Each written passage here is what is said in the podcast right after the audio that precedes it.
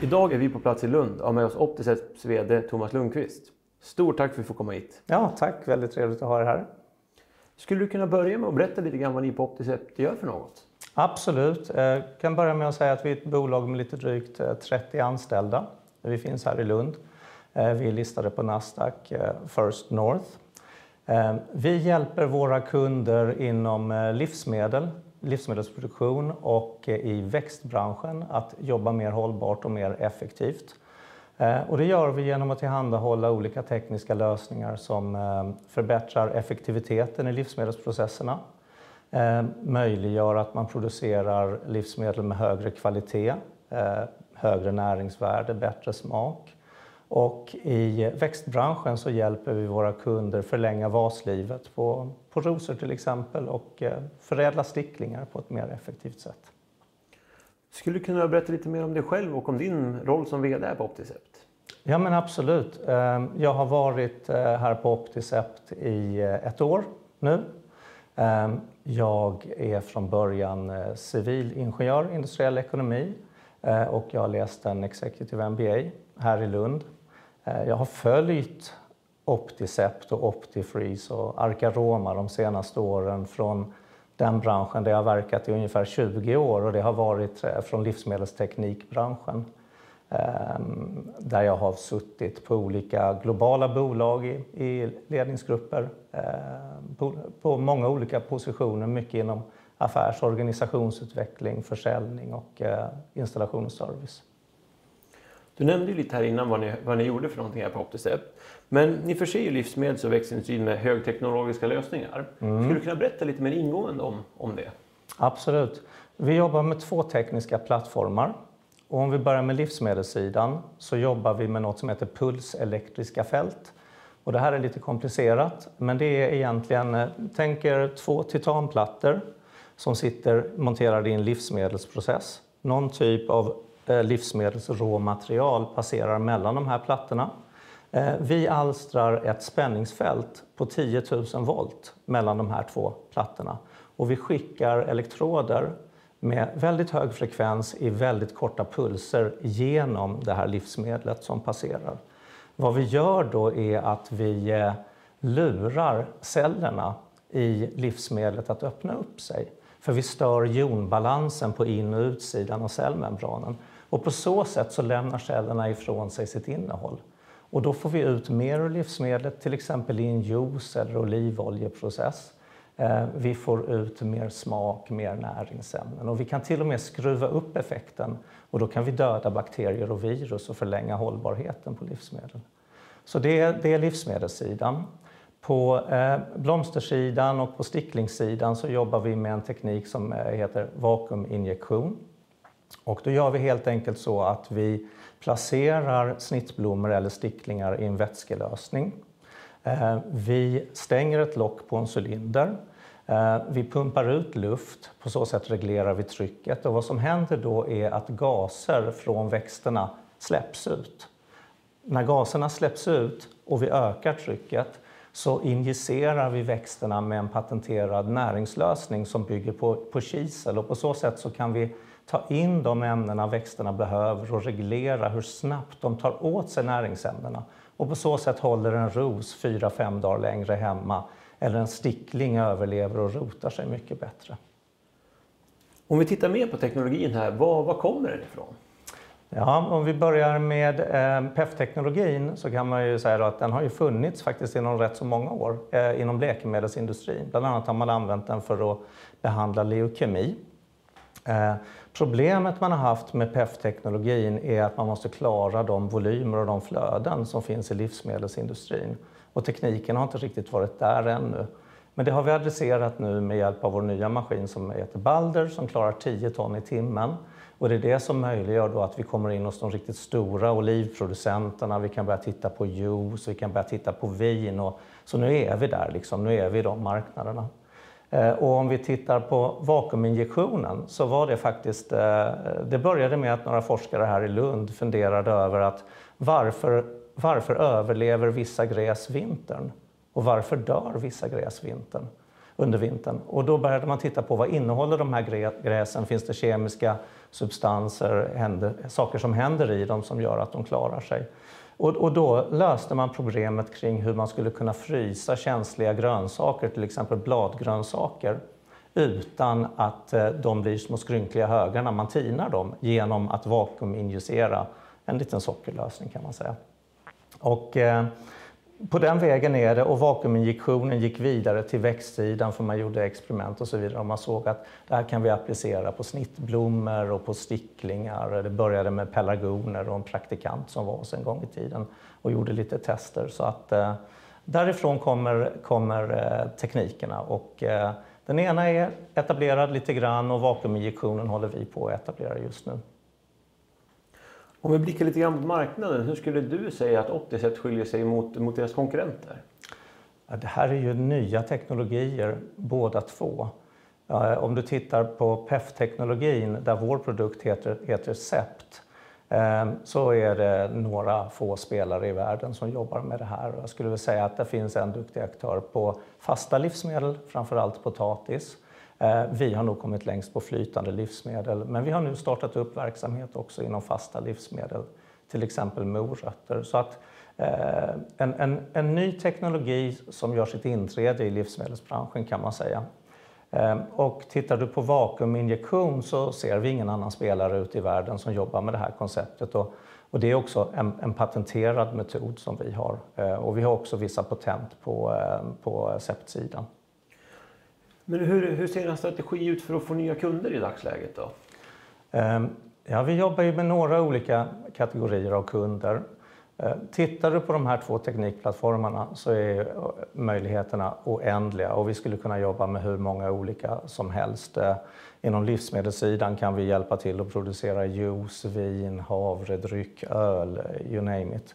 Eh, och på växtsidan kan vi adressera alla snittblommor och alla olika typer av sticklingar. Så vi måste liksom välja var vi lägger vår tid och, och, och de pengar vi har i kassan. Så vi har valt att fokusera på olivolja, för där har vi kommit väldigt väl ut. Där jobbar vi med de största i världen. Vi har eh, kontrakt med de största odlarna och distributörerna på rossidan och skogsbolagen på sticklingssidan.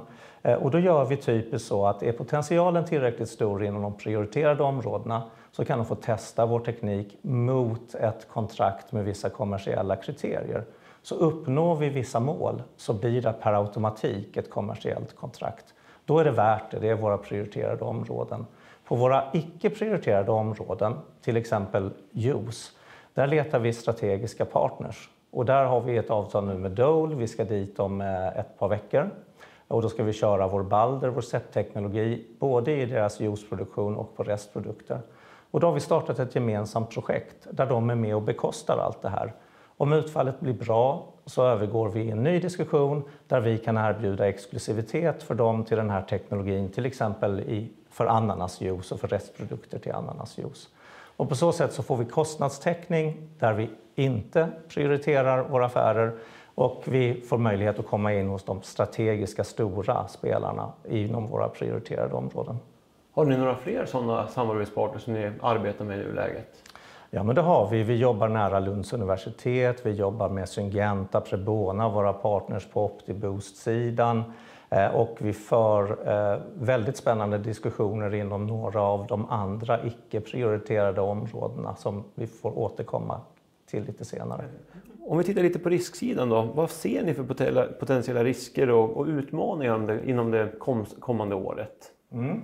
Ja, men, eh, utmaningen med ny teknik, särskilt när den ska ut globalt, är ju naturligtvis tidsaspekten. Vi är ett litet bolag, vi är 30 anställda. Vi har fått ut det här till de stora kunderna. Utmaningen är nu att se till att det här funkar. Verkligen prioritera rätt kunder, vara där och supportera så vi får det resultatet vi behöver. Så det är det vi verkligen, verkligen jobbar på nu. Ehm, tittar du annars på risker, eh, jag menar omvärlden ser ut som den gör, det påverkar alla bolag. Men jag tycker att vi klarar oss rätt så bra i och med att vi jobbar med de riktigt stora aktörerna. Vi såg väldigt höga energipriser vilket påverkade blomsterbranschen här med gaspriserna. Men den ställde om snabbt. Vad som hände var att vissa, vissa som odlade ros, eh, blommor till exempel i eh, Europa la ner men då kom andra in och täckte för det så det var ingen större påverkan. Det som kan påverka oss mest eh, det är ju klimatet egentligen. Det kan både vara en för och nackdel. Eh, I somras, förra sommaren, under olivsäsongen så var det inte till vår fördel för då hade vi maskiner ute hos de här stora producenterna och så kom en lång period av torka och skörden blev inte alls vad man tänkte sig. Så där måste vi fortsätta med vissa av dem lite grann nu i september, oktober. Så det var en utmaning vi fick hantera. Men samtidigt så är ju det också en väldigt stor fördel. För om skördarna minskar så blir man ju faktiskt tvungen att verkligen utnyttja den råvara man har och då vill man ju få ut den där sista droppen olivolja eller juice eller vad det kan vara. Det som du nämnde lite grann på slutet här, om vi håller oss kvar lite grann där. Skulle du kunna ge någon kundrekommendation eller en fallstudie och berätta lite som en kund har sagt att för att visa effektiviteten på? Ja, vi kan väl ta de prioriterade områdena. Eh, inom olivolja så har vi en, eh, en kund i Marocko som heter Atlas, en av de första. Han eh, producerar för fullt med receptteknologi. Och han ligger någonstans mellan 5 och 15 procent i ökat utbyte i sin olivoljeprocess. Och då är ju tricket här att man vill producera extra virgin olive oil. Du kan lätt få ut massor med olja ur oliver genom att värma upp den. Men då blir det inte, inte ens virgin oil, så den kan du inte få bra betalt för. Men med vår teknologi kan han få ut det här extra, extra yielden ur råmaterialet utan att hetta upp produkten.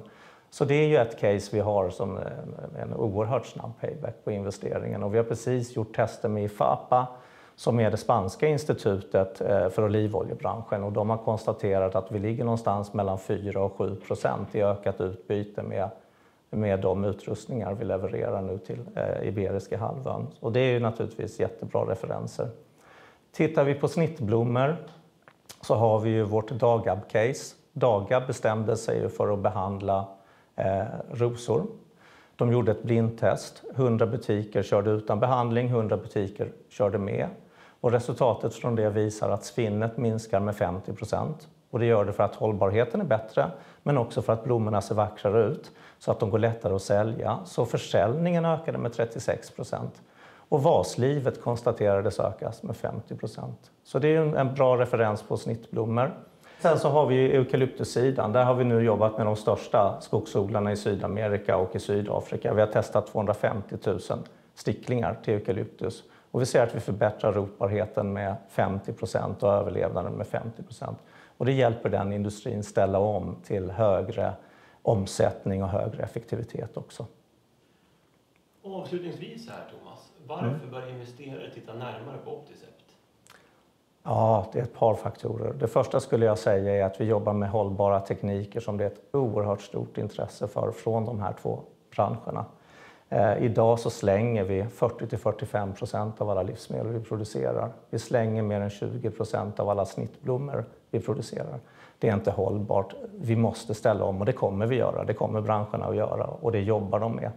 Det andra är, är att vi jobbar på otroligt stora och spännande marknader med enorm potential.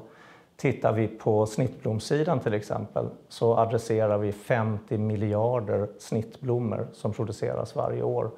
Skulle vi då, eh, vilket är naturligtvis en utopi, men skulle vi behandla alla dem, då är det en årlig intäkt på flera miljarder euro. Tittar vi på sticklingssidan så adresserar vi idag bara eukalyptus, vi skrapar på ytan. Vi kan säkert adressera andra typer av träd, buskar, prydnadsväxter, sockerrör som också produceras med sticklingar. Och bara på eukalyptus planteras det 3-4 miljarder träd per år. Vi tror ungefär en miljard kommer från sticklingar och det skulle bara det motsvara 250 miljoner till en miljard i omsättning årligen. Och tittar vi på livsmedelssidan så är det också svindlande. Det finns 30 000 olivlinjer i världen. Det finns över 60 000 vinproducenter i världen. Vi jobbar med torkade frukter och grönsaker. Här är också eh, en potential på flera miljarder euro. Och jag brukar väl tänka så att eh, jag är här för att jag verkligen gillar tekniken. Jag tror på den, den tickar alla mina boxar, den är hållbar, den är ny, den kommer komma in globalt. Sen hur lång tid det tar, det får vi se. Vi jobbar på allt vad vi kan. Men det spännande är ju att lyckas vi bara inom ett av de här områdena så är det här ett jättestort bolag. Stort tack för att du tog dig tid att träffa oss idag. All lycka till framöver. Tack så jättemycket.